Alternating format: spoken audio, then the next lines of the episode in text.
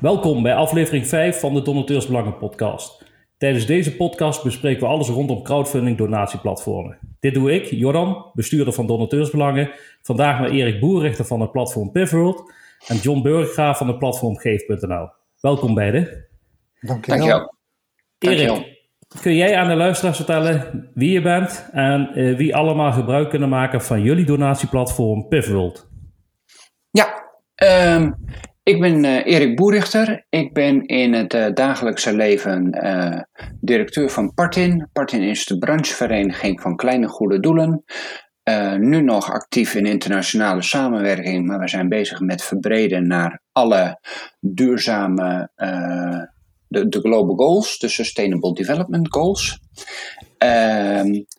Ongeveer tegelijkertijd met de oprichting uh, van Partin is ook uh, het uh, donatieplatform Pivworld opgericht.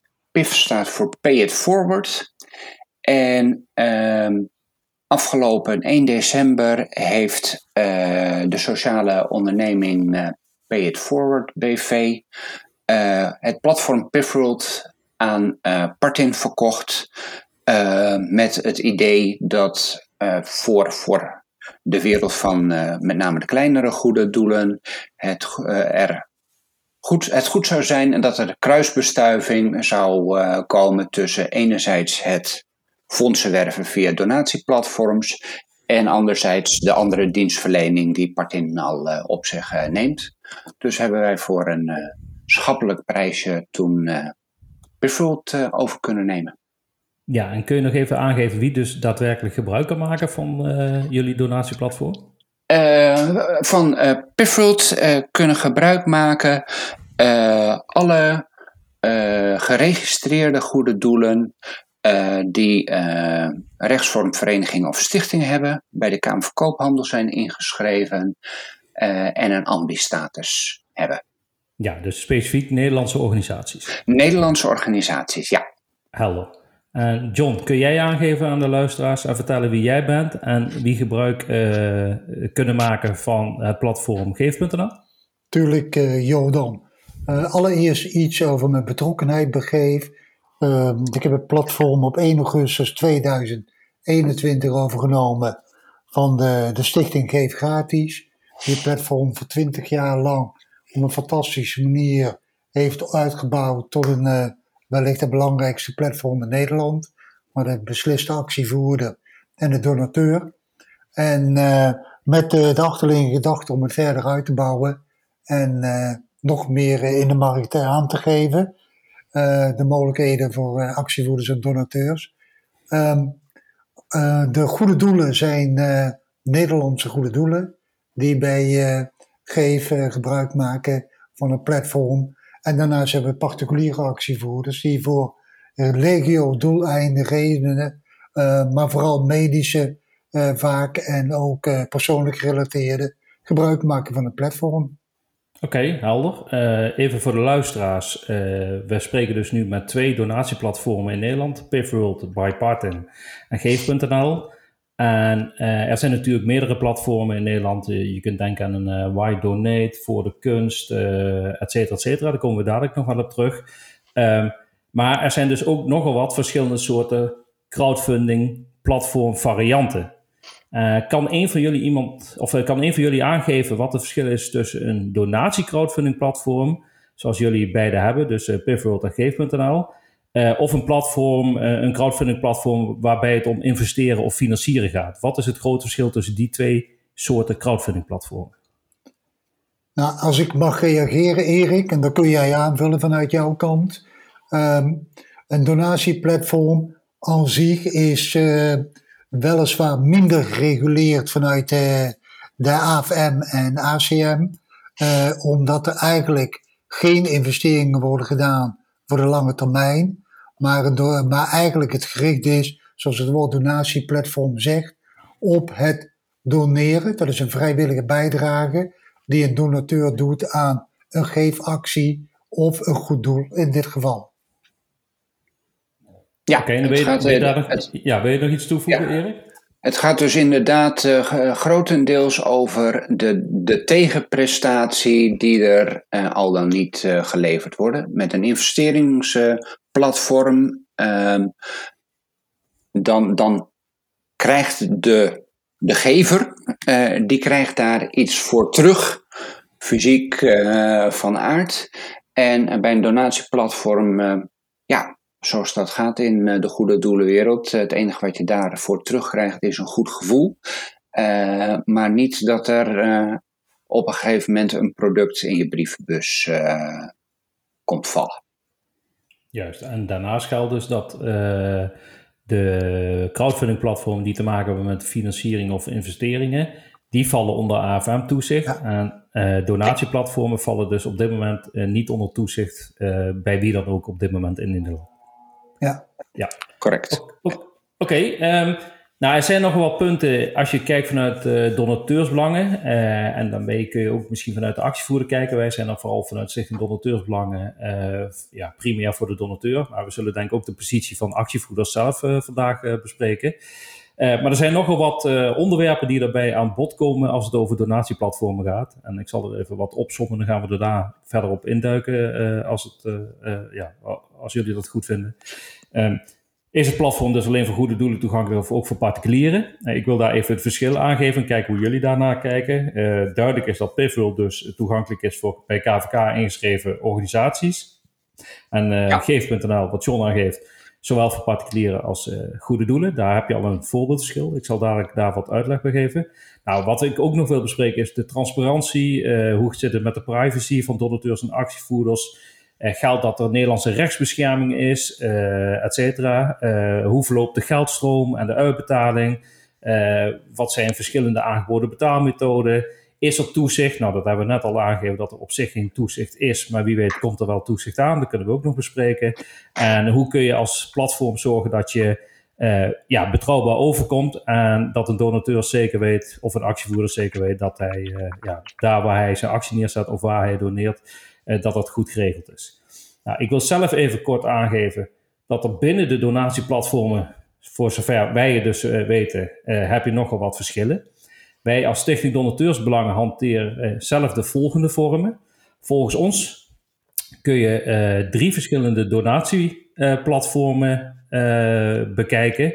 en dat zijn open donatieplatformen, gesloten donatieplatformen en white label software donatieplatformen. En die wil ik even met jullie doornemen en, om te horen of jullie daar op dezelfde manier naar kijken. En als we beginnen met open donatieplatformen, volgens uh, de definitie van Stichting Donateursbelangen geldt hierbij dat iedereen in actie kan komen en donateurs kunnen geven aan acties opgezet voor en door particulieren of goede doelen. Er gelden geen kosten voor actievoerders of goede doelen om in actie te komen en alleen op donaties wordt geld ingehouden. En de geldstroom gaat naar het platform zelf in eerste instantie en het platform betaalt uit aan de uiteindelijke ontvanger.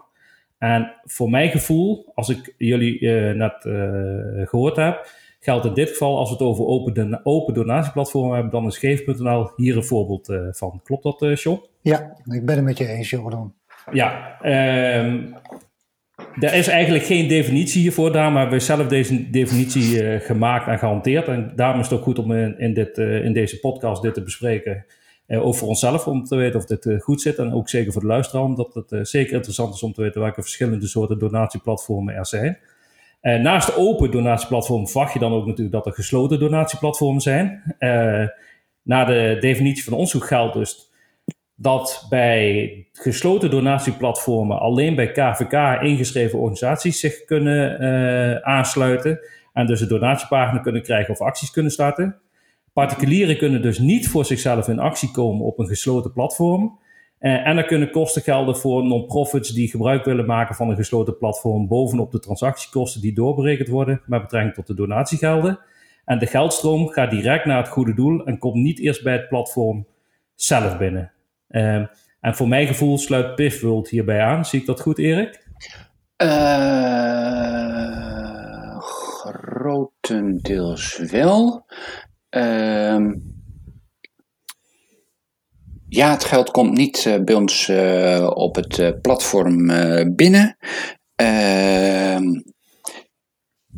Even denken, wat, wat, wat, was nou het eerste punt waar je zei? Want volgens mij was het er eentje waarvan ik deed.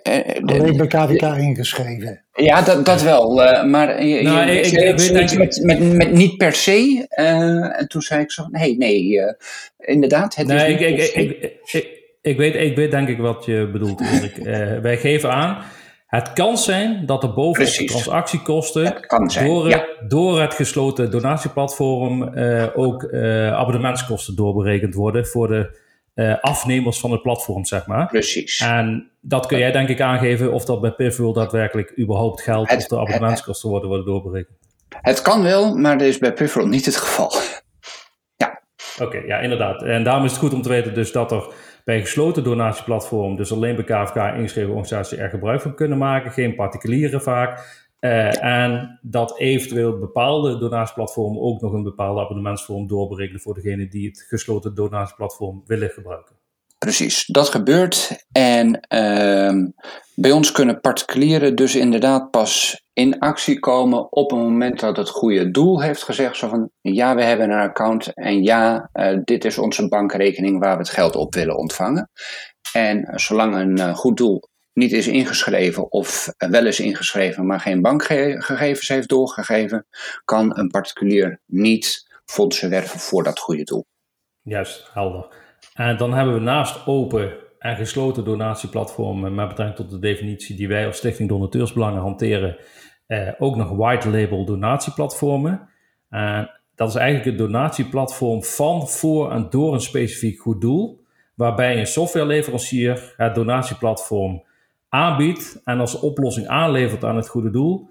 En die softwareleverancier die berekent hiervoor kosten door bovenop de transactiekosten die uh, met de donaties te maken hebben. En de geldstroom gaat ook hier direct naar het goede doel en komt niet eerst bij het platform zelf binnen. En de doorberekende kosten zijn vaak vele malen hoger in vergelijking met een open of gesloten platform, omdat hier echt een software, uh, ja, omdat echt een software geleverd wordt. Nou, we hebben hier geen uh, donatieplatform aanwezig wat gebruik maakt van een white label donatieplatform oplossing. Uh, maar denken jullie dat deze uh, definitie van een white label uh, wel juist is die ik nu net aangeef? Dat dit echt een door één specifiek goed doel gebruikt platform is waarbij een softwareleverancier dat tegen betaling aanbiedt? Ja, ja. Dat, lijkt, dat, dat, ja dat klopt. Ja, ik kan ja zeggen. En wellicht in de toekomst gaat dit ook gebeuren omdat namelijk vanuit contacten die er in de markt zijn en die ik heb, uh, een aantal grote softwareleveranciers echt spelen met het idee om van uh, een maatschappelijk verantwoorde gedachte deze software uh, tools te gaan ontwikkelen voor zeg maar goede doelen en ze rechtstreeks te gaan aanbieden. interessant dat we dat onderscheid maken tussen zeg maar opengesloten en white label. Maar ehm, wat zou het belang zijn voor de donateur om dat te weten? Uh, je hebt uh, net gehoord hoe wij vanuit Stichting Donateursbelangen naar die verschillende uh, varianten kijken van donatie-crowdfunding platformen. bij open platformen is het goed voor een donateur om te weten dat hij te maken heeft met een platform, dat het platform beschikbaar staat voor zowel goede doelen als particulieren. Dus het is naar onze mening op een open platform heel belangrijk dat de donateur weet of hij zijn geld geeft aan een actie van een goed doel of aan een actie van een particulier. Uh, omdat natuurlijk op goede doelen uh, wordt er wel of niet uh, toezicht gehouden. en is het, zijn er meer garanties voor donateurs dat het geld goed terechtkomt. en daar komen we misschien op de vervolgende podcast ook nog wel op terug. in verband met Geef, wat een open platform is, John. Om te weten hoe je wel of niet particuliere acties kunt controleren als een donateur. Dus voor een donateur is het goed om te weten of zijn geld naar een uh, goed doel gaat of een particulier. Dus bij een open platform is dat belangrijk om te weten. en voor, bij een gesloten platform is het eigenlijk heel simpel. Een gesloten platform biedt alleen bepaalde goede doelen aan die wellicht aan bepaalde eisen voldaan hebben, zoals Erik net verteld heeft, minimaal een ambistatus, Nederlands gevestigd, et cetera. Dus dat is ook op zich goed voor een donateur om te weten uh, hoe goede doelen wel of niet aangesloten zijn op zo'n platform. En in het kader van hoe en wat voor kosten worden er doorberekend, dat kunnen jullie denk ik beter bevestigen. Voor mij geldt dat eigenlijk open en gesloten platformen eh, als platform geld doorberekenen of transactiekosten doorberekenen, wat terug te vinden is op het platform, zodat een donateur daadwerkelijk weet. Uh, mijn geld gaat via dit platform naar het goede doel en ik kan terugvinden hoeveel geld daarvan daadwerkelijk naar het goede doel gaat. Zie ik dat goed? Ja. Ja, Ja, en, ja. ja, en eh, bij een white label software oplossing geldt dat een donateur dus niet altijd precies kan zien hoeveel een goed doel daadwerkelijk eh, voor zijn oplossing betaalt. Want op de achtergrond wordt er ook allerlei zaken doorgefactureerd eh, vanuit een white label software donatieplatform naar goede doelen. eh, waarvan de donateur vaak niet weet dat die kosten ook nog plaatsvinden op de achtergrond. Daar worden al vaak gesproken over transactiekosten. Dus vanuit die hoedanigheid is het altijd wel goed voor een, voor een donateur eigenlijk om te weten die zijn geld geeft. Heb ik te maken met een open platform en eh, geldt dus dat er eh, geld naar, eh, ook naar particulieren kan gaan. En hoe kan ik dat zien? Of gaat mijn geld via softwareplatformen direct naar het goede doel, zonder dat het geld via een tussenpartij overgemaakt wordt naar een ontvangende partij? En een, whi- een white label is natuurlijk ook over het algemeen eh, is daar niet zoveel keus. Want dat white label dat draait vaak op, het, eh, op de website eh, van één goed doel. En dat is dan ook het goede doel waaraan je geeft. en ja, open en gesloten platformen, daar kan je je ook nog eens een keer laten verrassen met een, een leuk nieuw goed doel wat je eigenlijk niet kent. Ja, hele goede toevoeging, Erik. En dat is denk ik ook van een Stichting Donateursbelangen gezien. Wat wij ook belangrijk vinden, eh, dat je als een donateur eh, of een actievoerder keuzevrijheid hebt. En eh, op een white label platform ja, is dan bij bezig specifiek voor één goed doel. En op open of gesloten platform waar meerdere organisaties staan of particulieren, ja, heb je ook vrij, keuzevrijheid als donateur. Dus dat is ook denk ik wel een goede toevoeging.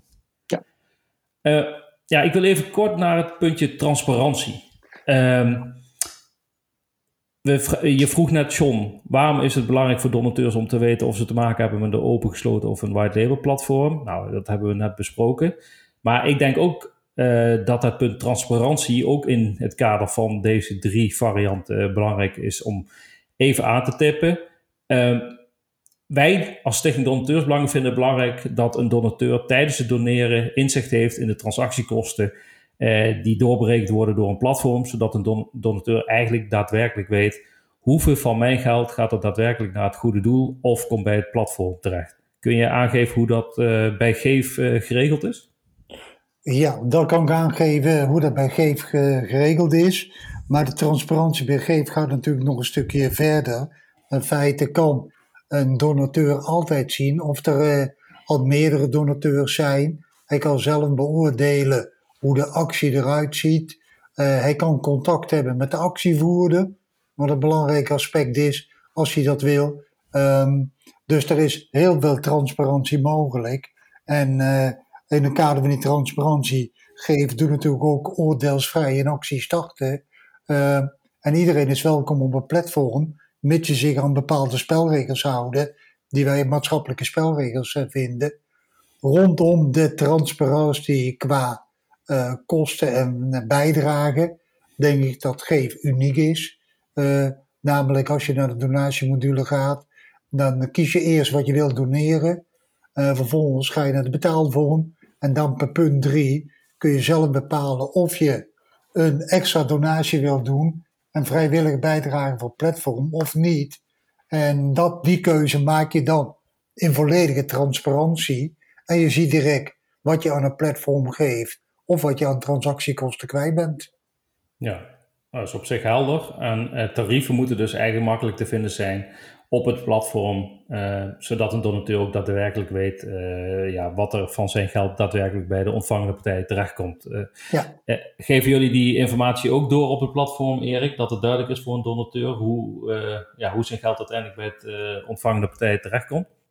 Eh, daar, op ons platform hebben wij beschreven dat dat eh, eh, in alle gevallen 5% ex-BTW is. Dus eh, netto gezien 6,05%. Eh, we hebben het niet ingebouwd dat dat bedrag ook daadwerkelijk genoemd wordt op het moment eh, dat je de donatie aan het uitvoeren bent. Oké, en is dat nog iets wat jullie misschien in de toekomst zouden willen toevoegen? Of uh, staat er niet op de planning voor nu? Uh, op dit moment uh, hebben we wat andere dingen aan het hoofd rondom payment providers die dwars liggen al een half jaar. en daar gaat op het moment alle energie en tijd naartoe. en wat er daarna aan doorontwikkeling gaat plaatsvinden, daar daar ga ik me nu nog niet op laten vastpinnen. Oké, en ik denk dat we over met, betrekking, met betrekking tot wet en regelgeving en uh, allerlei regeltjes uh, in deze sector, daar komen we dadelijk nog wel uh, denk ik, ja. een ander, ander onderwerp. En kun je dat misschien nog verder uitleggen, Erik? Want wel nieuwsgierig om te weten waar je allemaal tegenaan loopt. Um, los van de transparantie is het natuurlijk ook voor donateurs steeds belangrijker om te weten wat er met persoonsgegevens wordt gedaan die gedeeld worden. En hoe kijken jullie naar het feit dat donateurs vaak verplicht worden persoonsgegevens in te vullen als ze eenmalig willen doneren bij eh, goede doelen? En mijn vraag aan jullie is ten eerste, is een donateur verplicht om bepaalde persoonsgegevens achter te laten op jullie platform?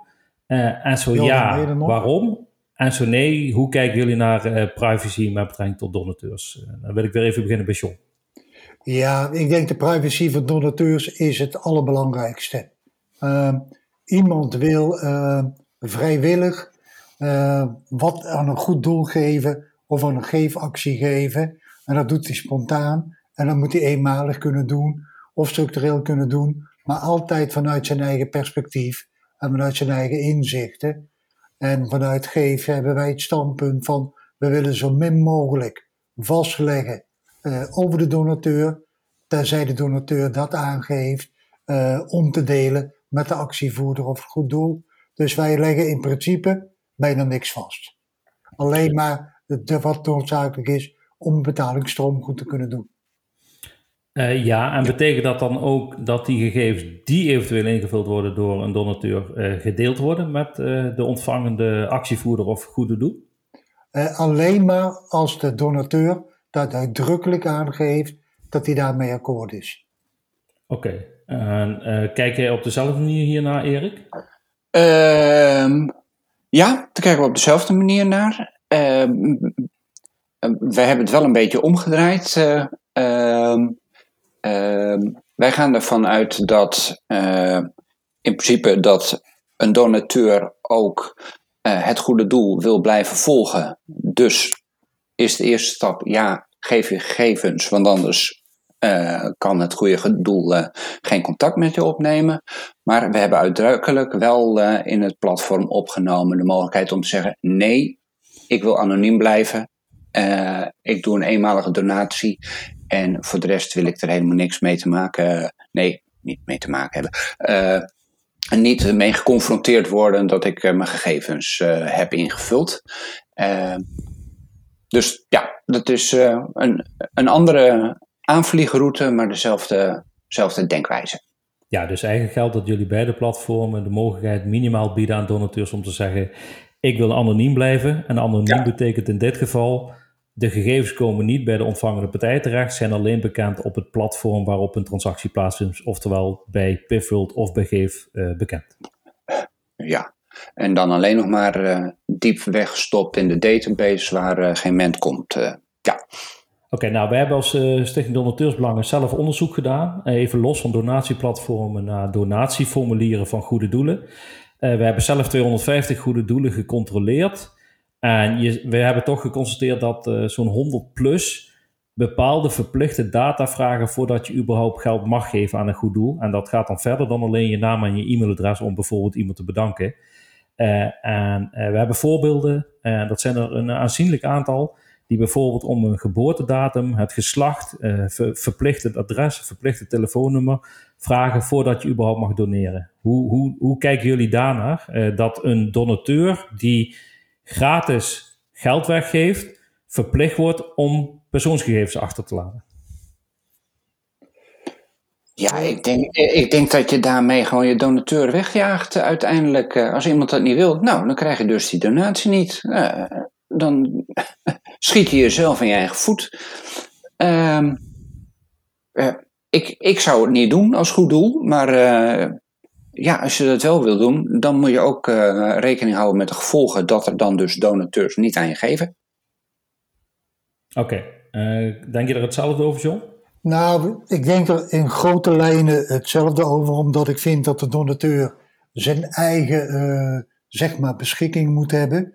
Maar dat ontslaat niet het goede doel om op een andere manier uh, tegen privacy aan te kijken. En ook uh, zeg maar de goede doelen in zijn algemeenheid. Een donateur niet als een vanzelfsprekendheid te zien die je mag claimen. En waar je door middel van een donatiepyramide gaat proberen zoveel mogelijk geld uit te halen door middel van het gebruiken van die gegevens. Dus in mijn ogen zouden goede doelers goed moeten nadenken over continuïteit en hoe ze hiermee omgaan. Maar vooral uh, de zelfstandigheid en het altruïsme van donateur respecteren. Ja, wij, wij als Stichting Donateursbelangen hebben aan de Tweede Kamers vanuit de Privacy Coalitie een manifest aangeboden waarin we dus ook oproepen om organisaties ja, de hand in eigen boezem te laten steken en te zeggen van hey, let op, wij moeten beter met de privacy omgaan van ja, in dit geval donateurs, maar ook gewoon bij commerciële bedrijven om te voorkomen dat er allerlei persoonsgegevens vastgelegd worden.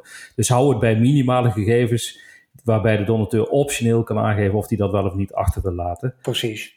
En uh, ja, wij, wij, wij, wij blijven het onderzoek in ieder geval doen in de non-profit sector. Wij gaan nog steeds uh, die donatiedoelen controleren en vergelijken met andere goede doelen hoe die naar privacy kijken. Want wij vinden inderdaad dat het simpel opgelost kan worden. we willen het de sector ook niet moeilijk maken. Maar als je verplicht valt geboortedatum vragen bij doneren, maak het optioneel en je bent eigenlijk klaar. Dan bepaalt de donateur zelf of hij zijn geboortedatum wel of niet achter wil laten bij je. Dan heb je al een hele stap gezet uh, in de sector. Dus wij hopen inderdaad uh, ja, dat de non-profit sector daar toch echt mee aan de slag gaat. En alleen die gegevens minimaal vraagt die ook echt nodig zijn om een transactie te kunnen verwerken. Ja. Uh, ja, Jordan, een vraag vanuit zeg maar uh, als donatieplatform. Jij hebt contact met het CBF. Hoe kijkt het CBF uh, namens de donateurs uh, richting deze optionele kwestie. Want zoals je zegt, je kunt alle veldjes optioneel maken. En daarmee doe je dus wel de donateur als de organisatie zeg maar een plezier. Hoe kijkt het CBF tegen deze gedachtegang nou, het CBF, we hebben uh, ieder kwartaal uh, op dit moment dus afgesproken dat we ieder kwartaal een gesprek gaan hebben uh, samen met CBF en Goede Doelen Nederland. Er staat er weer eentje gepland voor 5 juli uit mijn hoofd. En dit zijn verkennende gesprekken. wij leggen uit hoe wij de positie van de donateur in de sector ja, zien en hoe wij aan belangenbehartiging van donateurs doen. En het CBF een goede doelen in Nederland laten natuurlijk weten hoe zij er naar kijken. Uh, het CBF kan alleen op basis van de normen die de commissie normstelling heeft gemaakt, toezicht houden. En wij richten ons vooral als Stichting Donateursbelangen op de commissie normstelling, omdat in de normen niets is vastgelegd over de positie van de donateur in Nederland. Uh, de term donateur of gever niet eens voorkomt. Ja. Uh, en daarnaast uh, er geen normen zijn waarin eigenlijk vastgelegd is hoe hoor je als goed doel met een donateur om te gaan. En uh, de commissie normstelling heeft in juli, de, nee in juni moet ik zeggen, begin juni, een consultatie opengezet voor partijen om te reageren op de voorgestelde wijzigingen in de normen. En eigenlijk is er in de normen uh, niets gewijzigd en is die positie van die donateur nog steeds niet duidelijk. En op basis daarvan hebben wij reactie gegeven uh, hoe wij als Stichting Donateursbelangen daarnaar kijken. En ik zal het even hier kort samenvatten. Wij vinden dat minimaal in de normen vastgelegd moet worden wat de positie van de donateur is. En dat er TZT, en het liefst nu al, uh, minimale regels komen over hoe ga je als goed doel met een donateur om. En één voorbeeldje wat ik dan wil aanhalen is: het is heel makkelijk om een vast donateurschap af te sluiten bij een uh, goed doel. En wij vinden dat het net zo makkelijk moet zijn om een vast donateurschap op te kunnen zeggen. Nou, en dat blijkt in de praktijk toch nog wel eens moeilijker dan gedacht. Ook de Consumentenbond heeft daar pas nog een, uh, uh, hoe, noem dat, een, een, een onderzoek over gepubliceerd dat er toch nog blijkt dat bij goede doelen opzeggen ja, het niet zo makkelijk is als je denkt. Dus het CBF zelf zegt daar dus niet 1, 2, 3 iets van, want die kunnen alleen naar die normen kijken natuurlijk. Zij moeten toezicht houden op basis van de normen. wij vinden dat het CBF, wat zich in toezicht houden goede doelen noemt, ook veel meer kritischer moet kijken naar de manieren waarop goede doelen met donateurs omgaan. Maar ja, als er geen normen zijn die de positie van de donateur bepalen, ja, dan houdt het snel op. Dan kan het CBF helemaal niets doen aan uh, zaken hoe goede doelen met donateurs omgaan. Ja, dankjewel dus, voor de toelichting. Ja, um, dan wil ik het even hebben over uh, de, ja, hoe noem dat? De rechten van een donateur. Ik ga absoluut niet over algemene voorwaarden praten, et cetera. Maar als ik het goed heb, en dan ga ik vanuit, zijn jullie beiden een bij Nederlands ingeschreven KVK-organisatie. Eh, ja. ja. Dus onder jullie voorwaarden geldt het Nederlands recht. Ja. Ja. Um, maar er zijn natuurlijk ook allerlei platformen uit het buitenland waarop Nederlanders ook gewoon een actie kunnen starten of geld kunnen doneren. En als ik aan jullie nu moet, moet vragen, wat is jullie advies richting actievoerders en donateurs als het gaat om het kiezen van een platform? Waar zouden jullie rekening mee houden? Uh, wellicht kan ik een voorbeeld noemen van een donor van een actievoer die ik recentelijk aan de telefoon had, die een actie was gestart bij GoFundMe en die uh, op een moment haar geld niet meer uitbetaald kreeg omdat de actie uh, gestart was voor een MS-behandeling in Rusland. En aangezien Rusland uh, geen activiteiten meer ontwikkeld mogen worden, had het platform gewoon alles dichtgezet en ging het geld terugbetalen aan de, de donateurs die gestort hadden, omdat dat platform onder een andere wetgeving dan de Nederlandse viel. Dus aan de hand van dat voorbeeld zal mijn advies zijn: kies altijd voor een donateursplatform of voor een platform wat gekoppeld is aan Nederlandse wetgeving. Want dan weet je wat voor aanspraken je kunt maken in het geheel. Kijk je hetzelfde naar, Erik? Uh, ja. overigens betekent dat met de huidige wetgeving nog steeds niet dat dat in Nederland niet zou kunnen gebeuren. Ook in Nederland hebben de, de, de, de, de, platforms zich te, te, houden aan de Nederlandse wet. en als jij geld wil inzamelen voor een goed doel in Irak en Syrië of Noord Korea helemaal maar te, over te zwijgen, dan zul je ook in Nederland uh, geconfronteerd worden uh, met uh, ja, wetgeving die daar heel erg in gaat belemmeren. Ja. Maar dan, Erik, benader je me vanuit het goede doel. Zeg maar, het goede doel heeft dan als doelstelling humanitaire hulp te geven in dergelijke gebieden. Uh, in principe als de donateur daar geld aan geeft, dan geeft hij geld om dat te doen. En ligt het in mijn optiek aan het goede doel om de donateur te informeren. Wij worden op dit moment belemmerd uh, door de Nederlandse wetgeving om daadwerkelijk de humanitaire hulp te kunnen geven. Dus, uh, en dat vind ik een wat andere insteek dan een buitenlandse partij die particulieren een actie laat starten en vervolgens zegt, er is geld voor je opgehaald, maar je krijgt dat geld niet van ons. Dat uh, ligt op een wat ander niveau vanuit mijn denken. Maar ik begrijp je boodschap. Ja, ja, ja. En, uh, we hebben in ieder geval op onze donateursbelangen website een overzicht van allerlei verschillende platformen staan. Daar leggen wij bij uit, uh, valt het onder Nederlands recht, uh, et cetera.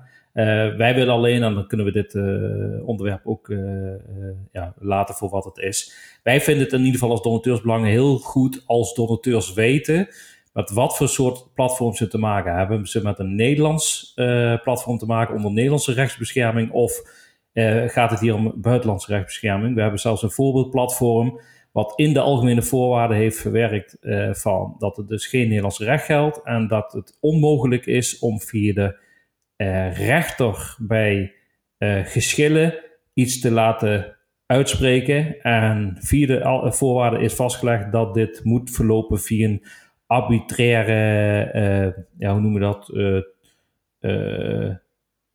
tussenpartij. ja? ja? Via het Amerikaanse arbitration.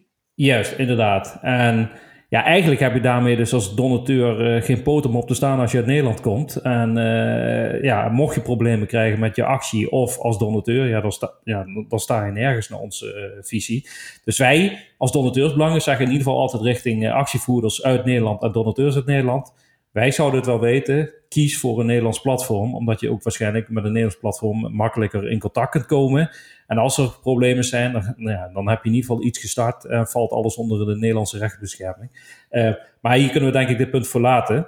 Uh, wat uh, wel interessant is om te weten hoe de geldstroom verloopt. Nou, Erik heeft dat voor Pivot volgens mij al uitgelegd. misschien kun je dat nog kort toelichten, Erik. Je gaf aan dat het geld van een donateur rechtstreeks bij het goede doel terechtkomt en dat jullie als Pivot, als platform, daar niet tussen zitten. Kun je aangeven hoe dat precies werkt? Uh, ja. Uh, op ons platform uh, moet je eerst als goed doel ehm, aangeven dat je uh, donaties wilt ontvangen. En uh, daarbij ga je als goed doel zelf een overeenkomst aan met een payment provider. De payment provider die, die geven wij als Pivot aan. En um, daar zit een eh, verdeelsleutel in, waar ik ze net al vertelde, 5% ex-BTW gaat naar PIF en 95% gaat naar het goede doel. en zodra het geld binnenkomt, um, zegt die payment provider, die maakt de splitsing van de donatie en zorgt dat er het bedrag wat naar het goede doel gaat, nooit op een tussenrekening terechtkomt, maar altijd direct op de rekening van het goede doel. Ja, en daarmee geven we dus aan dat ieder goed doel heeft een contract, een abonnement bij een PM Service Provider buiten het platform om. Ja. ja. Helder. En uh, in het geval van Geef werkt dat anders, John? Ja, klopt. Uh, in het geval van Geef uh, betaalt de donateur eigenlijk of maakt die geld over via de payment service provider waar Geef mee samenwerkt. Um, die doet als het ware, zoals Erik dat zo mooi aangeeft, een split payment. Betaalt wat gedoneerd is aan het goede doel of de geefactie naar de stichting Derde Gelden Geef. En de stichting Derde Gelden beheert tot het moment van uitbetaling de donaties en betaalt die uit. En de stichting Derde Gelden kent dus een onafhankelijk bestuur en ook heeft een onafhankelijke uh, overeenkomst of een aparte overeenkomst met geef, zodat de geldstromen niet vermengd kunnen worden en ook daardoor de garantie geboden wordt aan donateurs dat het geld uiteindelijk bij de actievoerders en een goede doel terechtkomt. Ja, eigenlijk geef je daarmee aan, John, uh, mocht geef om wat voor reden dan ook, uh, ja, laten we letterlijk zeggen, failliet gaan, dan uh, geldt dat donatiegelden veilig staan en nood kunnen verdampen. Klopt. Donatiegelden zijn vanaf het moment van donatie eigenlijk in handen van de Stichting Derde Gelden. Onafhankelijk wat Geef doet in het hele verhaal. Dus faillissement, andere vormen of wat dan ook, heeft nooit betrekking op de donatie. Oké, en uh, hoe vaak uh, betalen jullie uit als platform? Geef betaalt op dit moment één keer per maand uit mm -hmm. aan de goede doelen en aan de particuliere actievoerders. En dat wordt in de regel goed ontvangen. Oké, okay, helder. En waar vragen zijn, zijn we altijd bereid om van tevoren een voorschot te geven, die dan wordt ver, verrekend bij het einde van de betaling. Um, wat een interessante is, waarom we dat één keer per maand ook doen, is vooral rondom uh, creditcard en PayPal betalingen. Die worden aangeboden. Er natuurlijk momenten zijn met verkopersbescherming of uh, uh, cashbacks of andere dingen. Waardoor het ook verstandig is om in elk geval een bepaalde periode tussen hebben zitten, voordat je het geld overmaakt. Om teleurstellingen qua terugboekingen te voorkomen. Ja, je geeft aan creditcard en PayPal. Uh, ik ben eigenlijk wel nieuwsgierig naar wat voor soort uh, betaalvormen uh, Geef nog meer heeft en welke betaalvormen Pivot gebruikt. we kunnen niet hier alle platformen benoemen, maar ik ben eigenlijk wel gewoon benieuwd hoe jullie naar de betaalvormen kijken. Want in Nederland geldt eigenlijk, Ideal wordt door 90% van alle gebruikers online toegepast en daar wordt, daarmee wordt betaald. maar waarom zou je überhaupt naast Ideal nog iets anders aanbieden? Uh, wellicht kan ik daarop reageren, want volgens mij, Erik, uh, gebruik jij alleen maar Ideal, hè? Wij gebruiken Ideal en Creditcard. En Creditcard. Ja. Oké, dan, uh, dan, ja, wellicht kun jij dan voor de creditcard reageren, dan kan ik voor PayPal reageren. Dat is goed. ja. Uh, ja, wij gebruiken de, de creditcard. Inderdaad, uh, de Ideal is uh, 99, zoveel procent van uh, alle transacties die komt echt uh, via Ideal binnen. Uh, we hebben de creditcard toegevoegd voor de. Nou, af en toe is een buitenlandse donateur die geen bankpas, geen Nederlandse bankpas heeft en dus geen Ideal betaling kan doen. en die kan het dan via creditcard doen. Ja, ja, en dan sluit ik me bij aan. We hebben eigenlijk dezelfde redenen uh, waarom we zeg maar creditcard hebben toegevoegd. Voor mensen die inderdaad niet bankair uh, kunnen of willen betalen. Want we zien ook dat creditcard gebruikt wordt door uh, Nederlandse organisaties, particulieren. datzelfde geldt ook voor PayPal in het hele verhaal. Beide hebben beperkingen, um, omdat natuurlijk die betaalvormen eigenlijk uh, verkoopbescherming of uh, kopersbescherming hebben. Uh, en ook nogal, zeker rondom PayPal, een wat diffuse vorm hebben van hoe ze verslaglegging doen en hoe ze dingen bekijken. Maar ik denk dat dat niet het onderwerp van gesprek is. Waar wij vanuit Geef wel op inzetten, richting de toekomst, is om door middel van het IP-adres van degene die vanuit het buitenland wil doneren, een scala aan lokale bankmogelijkheden aan te bieden, zodat ze altijd via de lokale bank uh, kunnen doneren om ook de kosten verder uh, te reduceren. Oké, okay, en, en wat voor betaalvormen denk je dan? Uh, de Duitse banken, Franse banken. Dus dat zij eigenlijk direct de bankmogelijkheden van het land van waaruit ze doneren, direct kunnen gebruiken. Oké, okay. uh, wij vanuit Donateursbelangen en ik uh, zelf hier vanwege gewoon uh, nieuwsgierigheid naar welke betaalvormen er worden aangeboden. Heb deze vraag ook gesteld omdat wij als Stichting Donateursbelangen vinden dat in Nederland, je kunt daar voor of tegen zijn, Ideal een belangrijke betaalvorm is. Alleen geldt wel bij Ideal dat daar geen consumentenbescherming geldt. En als je met Ideal betaald hebt en je vindt als degene die betaald heeft van, oeh, ik had dit toch niet willen doen, et cetera. Ja, dan kun je dus niet bij de bank aankloppen dat je iets teruggestort wil krijgen, want zo werkt Ideal. Ideal, niet, uh, Ideal is een 100% eh, onomkeerbare transactie. Uh, dus wij als donateursbelangen zeggen altijd in het kader van consumentenbescherming en donateurs, ja, als je doneert, denk ook aan andere betaalvormen. En als je dan ook kijkt naar het wel of niet anoniem kunnen doneren. Um, ja, je hebt natuurlijk ook cryptocurrencies. Uh, nou, ik ben eigenlijk benieuwd, en ik, ik verwacht dat ik het antwoord wel weet, maar ik wil het eigenlijk vanuit jullie horen. Um, waarom bieden jullie als platform geen uh, mogelijkheden aan om via cryptocurrencies te doneren aan uh, goede doelen bijvoorbeeld? Mag ik nog even terugkomen op je eerdere opmerking, uh, Jordan? Dat je Tuurlijk. via Ideal niet terug kon storten. Um, in principe kan het geefdonatieplatform ook ideelbetalingen retourneren door middel van terugboekingen bij de payment service provider. Dus... Oké, maar, dan, maar, dan, maar dan komt de donateur dus naar het platform toe en die gaat dan het Juist. Eh, wat ik daarmee bedoel zeggen is meer, je kunt niet naar je eigen bank toe stappen. Je moet dan echt met degene waarmee je een transactie hebt verwerkt, dan moet je naar die partij stappen. En in dit geval precies wat je aangeeft.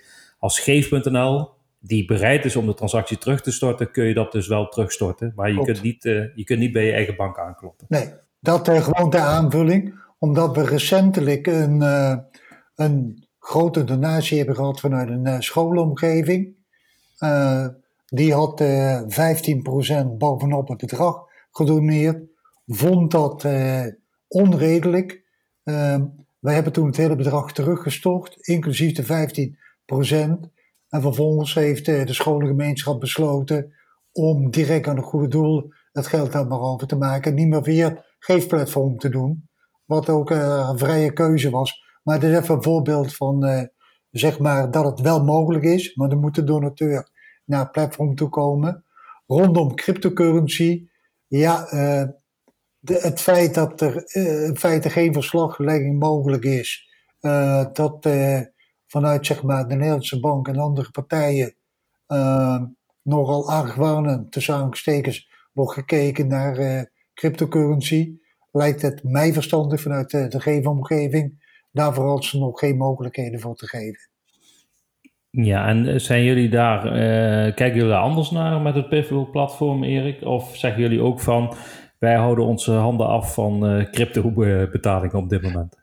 Um, nou, um, Zoals ik zo net vertelde, uh, de goede doelen die sluiten zelf een, uh, een abonnement met een payment uh, service provider. dat is een grote bekende Nederlandse organisatie.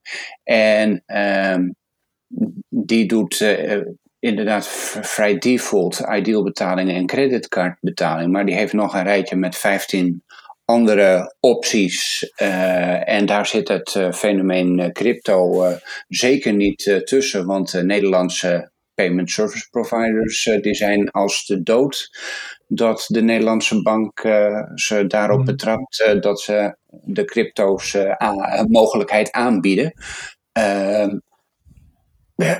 Ja, wellicht dat tegen de tijd dat uh, crypto zo is ingeburgerd en dat ook de Nederlandse bank uh, uh, vertrouwen daarin heeft dat ook payment service providers die stap durven zetten. Maar ehm, ja, we gaan. ik, ik, ik achterkans klein dat we naast de, de, de, de PSP's ook nog het, zelf het cryptocurrency verhaal als tweede mogelijkheid erbovenop zullen doen. Ja, waarschijnlijk geldt dat partijen zullen aangeven, als je crypto doneren toestaat, dan is de herkomst van het geld niet te achterhalen. En dat zal wel de reden zijn waarom je het eigenlijk niet uh, hoort aan te bieden. Zie ik dat goed?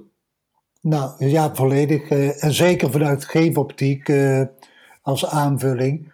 Omdat wij natuurlijk goede doelen zelf onboorden omdat we eigenlijk naar de payment service provider die verantwoordelijkheid hebben, uh, ja, zou het uh, ons in een discrediet brengen als we op een bepaald moment uh, ook zeg maar met cryptocurrency dingen gaan doen.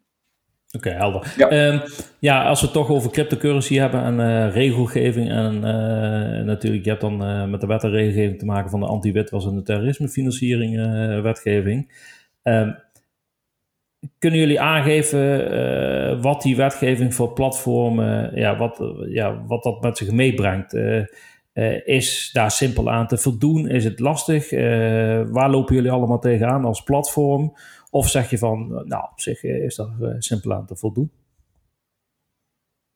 Um, nou, de hoeveelheid administratieve romslomp voor goede doelen om zich te registreren bij PSP's uh, is flink toegenomen. Overigens ook uh, bij uh, banken. Ehm, maar dat staat los van het donatieplatform.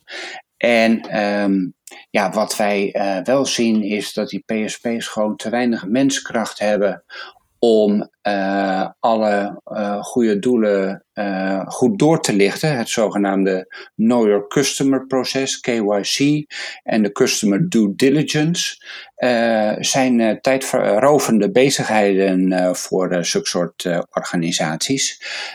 en dat, dat heeft gewoon heel cru tot gevolg dat met name goede doelen die hun geld niet in Nederland besteden, maar het uh, uh, uiteindelijk uh, naar Afrika, Zuidoost-Azië, Zuid-Amerika een project uitvoeren, dat die met hele grote regelmaat gewoon geweigerd worden. Ja, en omdat jullie dus uh, niet als partij ertussen zitten, geldt dus dat een goed doel zelf zijn contracten moet regelen. Ja. En als hij daar dus tegen allerlei uh, hobbels aanloopt, ja, dan kan hij dus eigenlijk niet van jullie platform gebruik maken. En in het geval van Pivworld geldt dus bij een gesloten platform dat uh, ja, het goede doel zelf op de rit moet krijgen, wil hij daadwerkelijk geld kunnen ontvangen uh, door zich aan te kunnen sluiten bij die payment service provider. Zie ik dat goed? Uh, ja, uh, dat is correct. Al denk ik dat bij een open platform ehm, dat die uh, payment provider en die banken uh, wellicht minder vaak uh, controles doen. Maar in principe moet het goede doel dan nog steeds dezelfde informatie aanleveren. Alleen moet je dan als donatieplatform op de een of andere manier daar zelf de controle op uitoefenen. En klopt dat, John? Dan doen jullie dat? Ja, klopt. Ehm, wij ervaren wat, wat Erik juist zegt in geringe mate of eigenlijk helemaal niet. Voor de aangemelde goede doelen doen wij regelmatig checks. Uh, wij uh, vullen als het ware de KYC in, uh, doen zelf die check en kunnen vervolgens dan gelden ontvangen en ook uitbetalen aan de desbetreffende goede doelen. En, en hoe, hoe werkt dat dan, John? want als de, de, de PSP's niet genoeg menskracht hebben om de KYC te doen, dan ja, dan snap ik niet zo goed waarom jullie dat wel uh, zouden kunnen. Want, nou, wat wij uh, doen, uh, stel er komt een nieuw goed doel meldt zich aan. Deze week heeft een goed doel zich aangemeld. is opgericht in mei ja. dit jaar. heeft een bankrekening. Wij melden dat goede doel. onboorden wij via onze KYC-regelgeving bij Geef.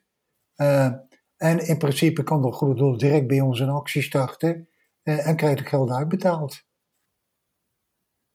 Maar waarom kost dat jullie dan zoveel, zo weinig tijd?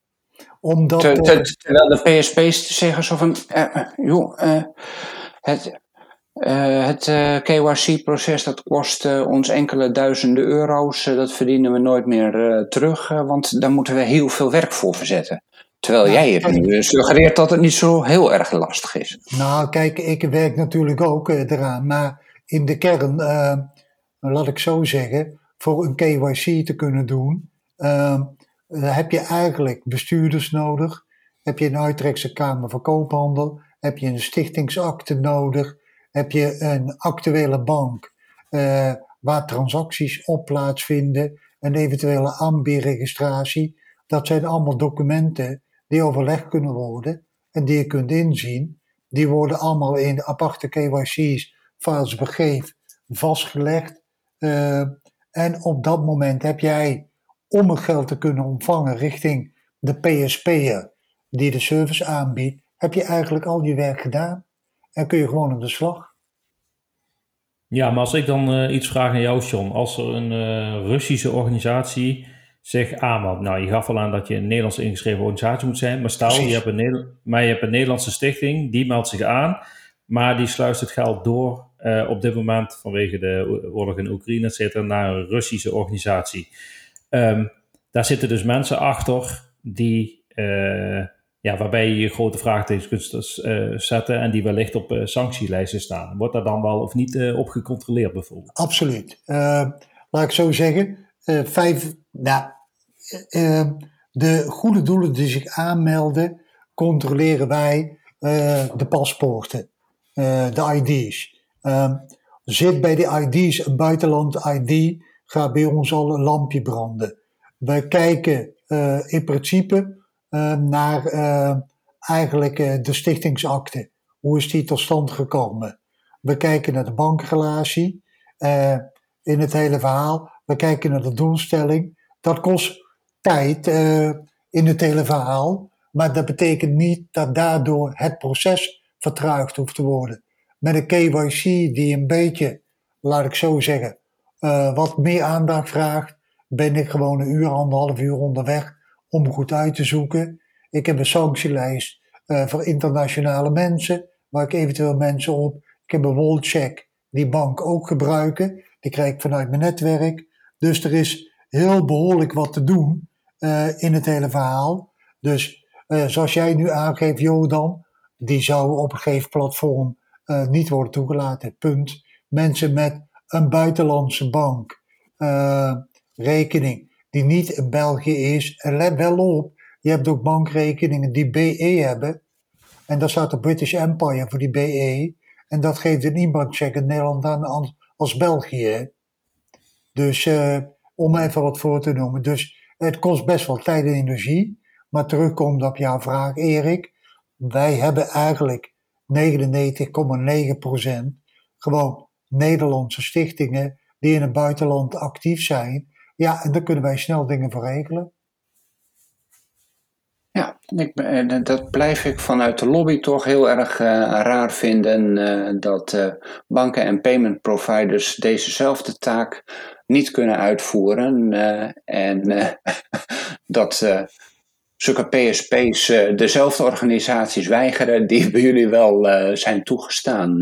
dat blijf ik intrigerend vinden en hopelijk kunnen daar um, vanuit Partit, maar ook vanuit andere brancheverenigingen in de filantropie een halt uh, toeroepen. Uh, want of het nou een open of een gesloten donatieplatform is, een goed doel moet online fondsen kunnen werven.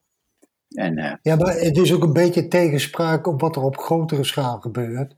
Kijk, op een bepaald moment een IMF, een Wereldbank, een UNHCR, die geven ook geld aan Iran die geven geld aan Oekraïne, die doen andere dingen.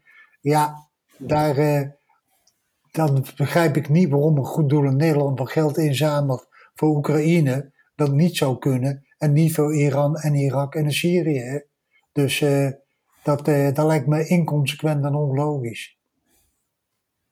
Ja, maar ik kan me wel voorstellen, ja, zeg maar Erik. Daar ben ik het helemaal mee eens. Uh, maar Um, ja, nee, eh, de, de, banken en de PSP's die zijn bang voor hun banklicentie. Uh, ja. En ik neem aan dat jullie geen banklicentie hebben die jullie kwijt kunnen raken. Nee, we hebben geen banklicentie en die willen we ook niet uh, in het hele verhaal. Kijk, en de PSP'ers, ja, die krijgen langzaam maar zeker ook concurrentie van buitenlandse partijen. Die bij wijze van spreken, en we hebben contact met verschillende die gewoon een virtuele bankrekeningen ter beschikking stellen voor goede doelen die ze direct kunnen gebruiken. Waar je dus niet hoeft te wachten tot eh, allerlei andere, moet ik zeggen, tot alles geregeld is, conform de compliance in Nederland. Dus uh, ja, er gaat toch wel wat veranderen. Dus, maar goed. Dat, dat is een, een, leuk ander onderwerp voor een andere podcast. Ja, uh, ja, ik was begonnen inderdaad met het onderwerp wet en regelgeving. Nou, ik denk dat jullie duidelijk hebben aangegeven waar je allemaal als platform mee te maken krijgt uh, en kunt krijgen. Uh, zien jullie naar de toekomst ook nog andere regelgeving? ja, ja, ja, hoe noemen we dat? zien jullie nieuwe regelgeving komen die het voor platformen zoals uh, Pivot en Geef en andere platformen het wellicht uh, nog moeilijker maken om geld in te zamelen voor ontvangende partijen? Of denk je dat het wel blijft bij die anti-witwas, anti-terreur financiering wetgeving? Persoonlijk denk ik zeker voor een open platform dat er nog wat extra wetgeving aan gaat komen, zeker voor particuliere acties, omdat namelijk naarmate op gebied van zeg maar anti-witwaspraktijk en alle andere dingen, uh, wellicht criminelen zullen proberen om via particuliere geefacties toch geldstromen te laten vloeien uh, en daar misbruik van te maken. Dus ik verwacht zeker voor de particuliere domein nog wel aanvullende wetgeving. Oké, nou, dan, dan, moet je dan natuurlijk weer je platform op aanpassen, wil je daar weer aan kunnen voldoen. Dat is ja. const, constant een strijd waar je mee ja, bezig bent natuurlijk. Um, ik ga, ik ga laat dit even. Ik kom daar nog even terug over betrouwbaarheid platformen. Ik denk dat we ook. Uh, we zijn al bijna een uur aan het praten. We hebben dus al heel wat doorgenomen. Maar ik wil e-, even terugkomen op open, gesloten en white label platformen. Wij als donateursbelangen zien ook steeds meer platformen online komen. Die het mogelijk maken om geld te verdelen over meerdere goede doelen op een platform. Waarbij je dus als donateur, donateur dus kunt zeggen: ik geef in totaal 100 euro en ik verdeel het onder 10 goede doelen, tientje per goed doel. Uh, biedt jullie platform dat ook? En zo niet, uh, vinden jullie dit interessant dat die optie er is? Of, uh, en misschien gaan jullie dat wat toevoegen. wil je dat, daar als eerste op reageren, Erik? ik heb hier nog misschien ben ik een oude ziel, uh, maar ik denk uh, dat, dat dit nut nog steeds uh, zeer beperkt is. de snelheid waarmee je betalingen kunt doen op die platforms, die, die gaat flink omhoog. dus als mensen een leuk project zien, een leuke actie waar ze aan willen doneren, uh, dan gaat dat in een flits, uh, gaat dat ene tientje en dan speuren ze dan wel verder naar een uh, volgend goed doel en zien daar een actie waar ze ook een tientje aan willen geven.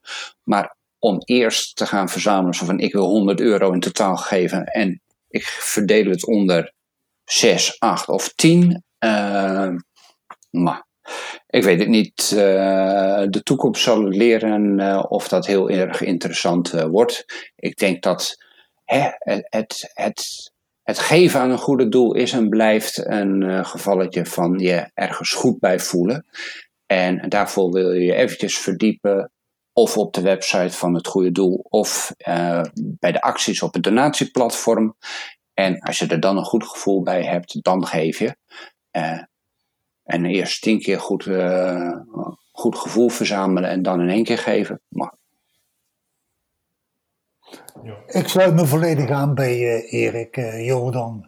Uh, zeker bij waar je 4400 goede doelen geregistreerd hebt, 1200 eh, particuliere geefacties per jaar.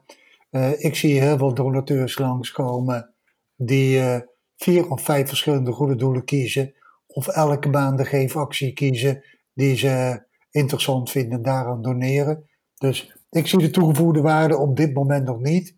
Maar als uh, andere platforms daar zeer uh, succesvol mee zullen zijn, ja, daar gaan we natuurlijk ook overwegen.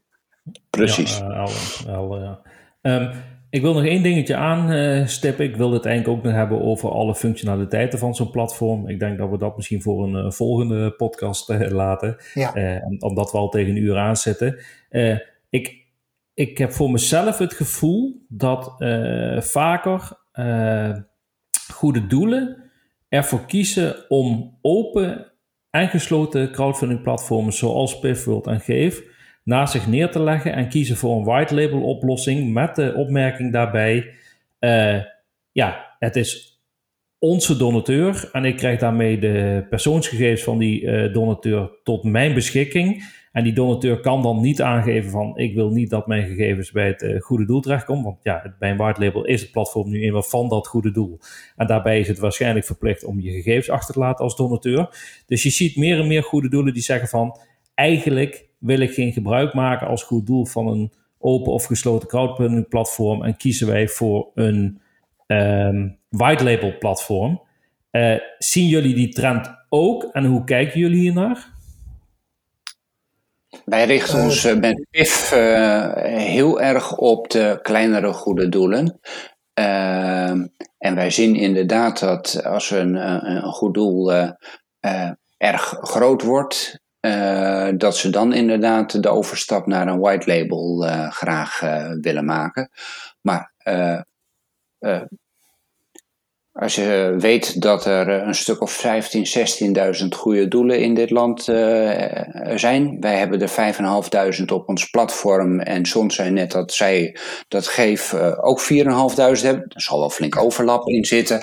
Uh, dat hè, overgrote meerderheid van de goede doelen in Nederland wordt nog steeds gerund door een beperkt aantal vrijwilligers. En die hebben gewoon niet de menskracht uh, om een white label omgeving uh, uh, zelf te blijven draaien. maar ja, af en toe heb je er eentje die groeit groot en dan, dan nemen ze die stap. Ja, maar denk je dat die stap dan voornamelijk genomen wordt om op basis van datgene wat ik net aangaf, dat ze dan het gevoel hebben wij hebben meer controle over ja. de informatie van donateurs? Ja, ik denk dat, dat, dat een controle zeker een grote rol daarin speelt. Oké. Dat gevoel. Ehm, ja. Ik ben het volledig met de Erik eens op dat vlak. de stap wordt genomen op het moment dat zo'n zeg maar goed doel eigenlijk op het kantelpunt komt dat men een fondsenwerver kan aannemen of mensen die bij andere fondsen actief zijn geweest en eigenlijk daarmee de stap zetten naar het, uh, het klassieke zeg maar, goede doelen denken, namelijk donateurs aan je binden is continuïteit in het uh, runnen van je organisatie. Uh, dan maken ze die overstap en voor de grote geldt dat ze eigenlijk geen behoefte hebben aan het tweede kanaal erbij voor, uh, zeggen ze, zogenaamde spontane donaties. Dat vinden ze niet relevant, dat vinden ze niet interessant. Dus daarom uh, kiezen ze ook niet voor open of gesloten crowdfund platforms. Oké, ik heb nog een uh, hele specifieke vraag voor jullie. Ik ben benieuwd hoe jullie daarop reageren. Um, wij komen natuurlijk op voor de belangen van donateurs. En ik denk dat jullie die vraag wel vaker gekregen hebben. Uh, wij horen graag het verhaal erachter, want ik denk dat er wel een verhaal erachter zit. En dat wil ik hier ook even ter sprake brengen. Um, ik ben een donateur en ik ga naar het platform Geef of naar Pivot of naar ieder ander platform wat we aangegeven hebben. En je leest dat daar 5% ingehouden wordt of uh, net een percentage wat je zelf kiest. Uh, hoe reageren jullie op de vraag uh, van een donateur of opmerking die zegt van hoe durven jullie 5% van mijn donatie in te houden?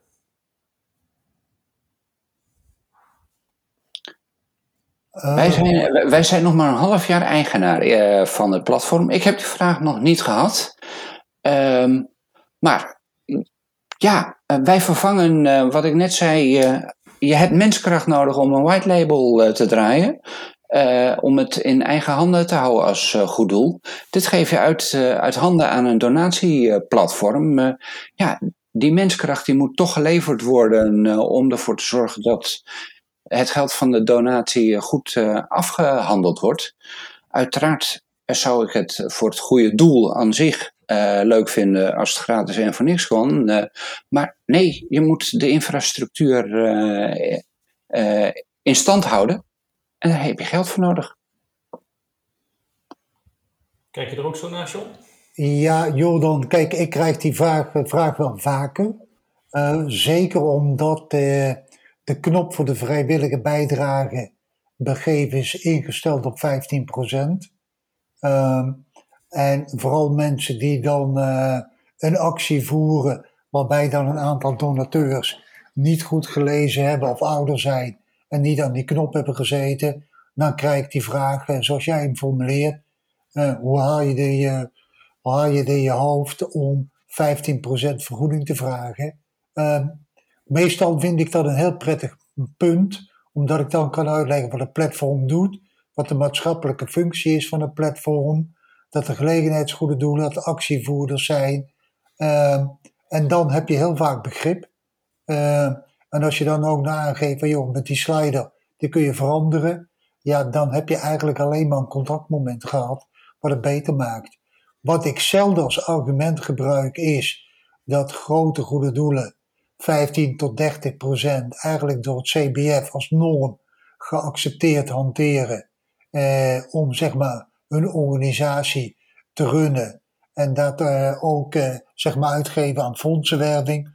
Dat uh, gebruik ik minder. Wat ik wel als argument gebruik is, ja, ook het goede doelen heeft er mensen zitten, moet kosten maken en alle andere dingen. Alleen dat wordt niet zo transparant gecommuniceerd als wij het doen. Dus wij worden een beetje afgestraft voor onze transparantie. Ja, wat je nu zegt, John, uh, kan ik wel aangeven dat je daar wel gelijk in hebt. Want uh, je kunt natuurlijk voorstellen dat een stichting donateursbelangen, die in uh, de belangen van donateurs behartigt, ook kijkt naar die vragen van, ja, waarom wordt er zoveel door donatieplatformen ingehouden? Nou, die vraag, wordt er zoveel ingehouden? Ja, die is terecht, want we hebben natuurlijk nu in de jaren dat we actief zijn in die non-profit sector ook onderzocht hoe zit dit. Um, als je kijkt naar eh, de erkenningsrapporten van CBF Erkende Goede Doelen, dan eh, heb je daar drie percentages. Je hebt het percentage wat aan de doelbesteding wordt besteed, het percentage wat aan fondsenwervende uh, uh, wordt, wordt besteed en een percentage wat aan organisatiekosten wordt besteed.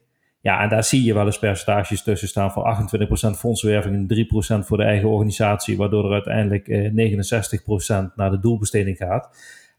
Voor mijn gevoel geldt eigenlijk dat daar staat, wij maken 31% kosten om de schoorsteen van onze organisatie te laten draaien, terwijl jullie als platform dat dus voor maximaal 5 uh, eh, tot 10% afhankelijk van welk platform het is, uh, het doen. Dus dat is een heel verschil ten, ten opzichte van hoe uh, non-profits een en ander zelf op de rit hebben. En ja, ik zeg wel eens gekscherend, ik weet niet hoe jullie daar naar kijken. Ik zeg wel eens van, uh, als je als donateur via een platform doneert geld, dat er eigenlijk meer geld van jou terechtkomt bij die doelbesteding, dan dat je het rechtstreeks bij het goede doel komt. En dat is natuurlijk heel raar en lullig om te zeggen. Maar zo kijken wij er wel eens naar als je die vergelijking maakt tussen jullie als platform en hoe het bij organisaties zelf geregeld is. Ja, en als ik dat mag aanvullen, zeker Jordan, als je ziet dat er bij Geef door die vrijwillige bijdrageconstructie uh, van de bruto donatie 98,5% gemiddeld naar het goede doel gaat, dan zit er anderhalf uh, procent aan, wat eigenlijk zeg maar niet bij het goede doel terechtkomt. En waarbij de donateur door de keuze meer geld kan overmaken. Ja, dat is een fantastische constructie. En ik spreek wel eens bij grote goede doelen. En dan zeggen, plat gezegd, het boeit ons niet. Maar wij willen geen eenmalige donaties. We zijn alleen maar geïnteresseerd in structurele uh, donaties. En daar richten wij onze pijlen op. En daarom willen we acties ook niet bij jullie zetten. En je ziet ook dat heel veel goede doelen daarom ervoor gekozen hebben, kom, een actie voor pagina's, om inderdaad de, de open en gesloten platform gewoon in de weg te zitten. Ja, maar eigenlijk is dan de vraag rechtvaardig. Uh, geldt dat er naar jullie mening nog wel toekomst is voor een open en gesloten crowdfunding platform als meer en meer goede doelen de switch maken naar zo'n white label oplossing? Ik denk van wel, omdat er in mijn ogen nog altijd een grote groep donateurs zou zijn die eigenwijs zijn, die zich niet willen laten voorschrijven door grote doelen, grote doelen wat er gebeurt. En het tweede, en dan ga ik ook naar Erik, er zijn zoveel kleine, goede doelen die Robin Hood-achtige platforms nodig hebben om überhaupt hulp te krijgen. Ik denk dat we daar ons op moeten focussen, op die uh, 3.500, 4.000, 5.000 kleinere goede doelen die die organisatie niet hebben, gelegenheidsgoede doelen, die nieuwe thema's aan de orde stellen en die ondersteunen blijven door middel van onze platforms. En daar sluit ik me helemaal bij aan. Oké, eh, dan wil ik jullie eigenlijk bedanken voor uh, de bijdrage aan, uh, aan deze podcast over crowdfunding donatieplatformen. Um, ik heb uh, misschien nog één allerlaatste vraag. En dat is over de betrouwbaarheid van het platform. Um, er geldt in Nederland dat er zelfregulering in de non-profit sector is met betrekking tot CBF-erkenningen. Um, wij weten dat er een pilot heeft gelopen met betrekking tot donatieplatformen. wat vinden jullie belangrijk als platform om aan donateurs mee te kunnen geven hoe betrouwbaar jullie platform is en moet het wel of niet door een bepaalde erkenning eh, voor Nederlandse platformen eh, ja, eh, samengevoegd worden of uitgedragen worden of geldt eh, dat donateurs op zichzelf mogelijkheden genoeg hebben om te weten of een platform betrouwbaar is, ja of niet. Dus ik wil eigenlijk aan jullie nog als laatste de kans geven om aan te geven van hoe kan een donateur weten of een platform betrouwbaar is? Als ik de, daarop mag reageren, ik denk dat de regulering afhangt van een normstelling. Um, en het CBF worstelt met een normstelling voor zeker een open platform. Ik kan me voor een gesloten platform nog iets voorstellen, maar voor een open platform niet. Dus mijn reactie zou zijn: donateurs, blijf doen wat je al jaren doet, namelijk doneren via Geef. En het geld komt op een goede manier terecht bij goede doelen en bij particulieren. En daar hoeft voor mij geen normering aan vast te hangen. Nee, maar hoe kun je dan aangeven als gever? Je hebt net van alles genoemd in het podcast en misschien hoef je niet te herhalen. Maar je zegt dus eigenlijk van, we hebben allerlei uh, structuren op poten gezet waarmee je dus een donateur ervan uit kan gaan, zoals een stichting derde gelden, controle op sanctielijsten en dat soort zaken, waardoor je kunt weten dat je met een betrouwbaar platform te maken hebt. Klopt. Oké. Dat en daarnaast 150.000 tot 200.000 donateurs per jaar die aan een platform doneren en keer op keer terugkomen. Dat geeft ook vertrouwen. Oké, en dan geef ik het laatste woord aan jou, Erik, om ook een beetje aan te geven vanuit Pivot gezien hoe jullie eh, kunnen aangeven eh, dat het platform betrouwbaar is of waar een platform aan zou moeten doen om eigenlijk betrouwbaar te zijn. Ja, dat vind ik nou een hele lastige vraag. Uh, hè, ons platform is qua techniek ISO gecertificeerd. Volgens mij hebben we dat er helemaal nergens op gezet. Want precies wat John al zegt, het gaat om het vertrouwen van die donateur. En dat die donateur terugkomt en dat de goede doelen op je platform, dat die dat die het vertrouwen uitstralen en dat ze bezig zijn om de wereld een beetje of heel veel mooier te maken. Uh, ik, snap, ik snap de worsteling van CBF, eh, want wat moet je dan als normen uh, stellen? Ehm, Kijk, je, je, je wil niet uh, dat, dat er morgen een nieuw platform komt en dat hij heel veel reclame maakt, maar bottom line dat er niet 5 tot 10 procent waar wij het over hebben, maar dat er 30 procent naar het platform gaat. Um, van de andere kant, um, als zo'n platform ontstaat,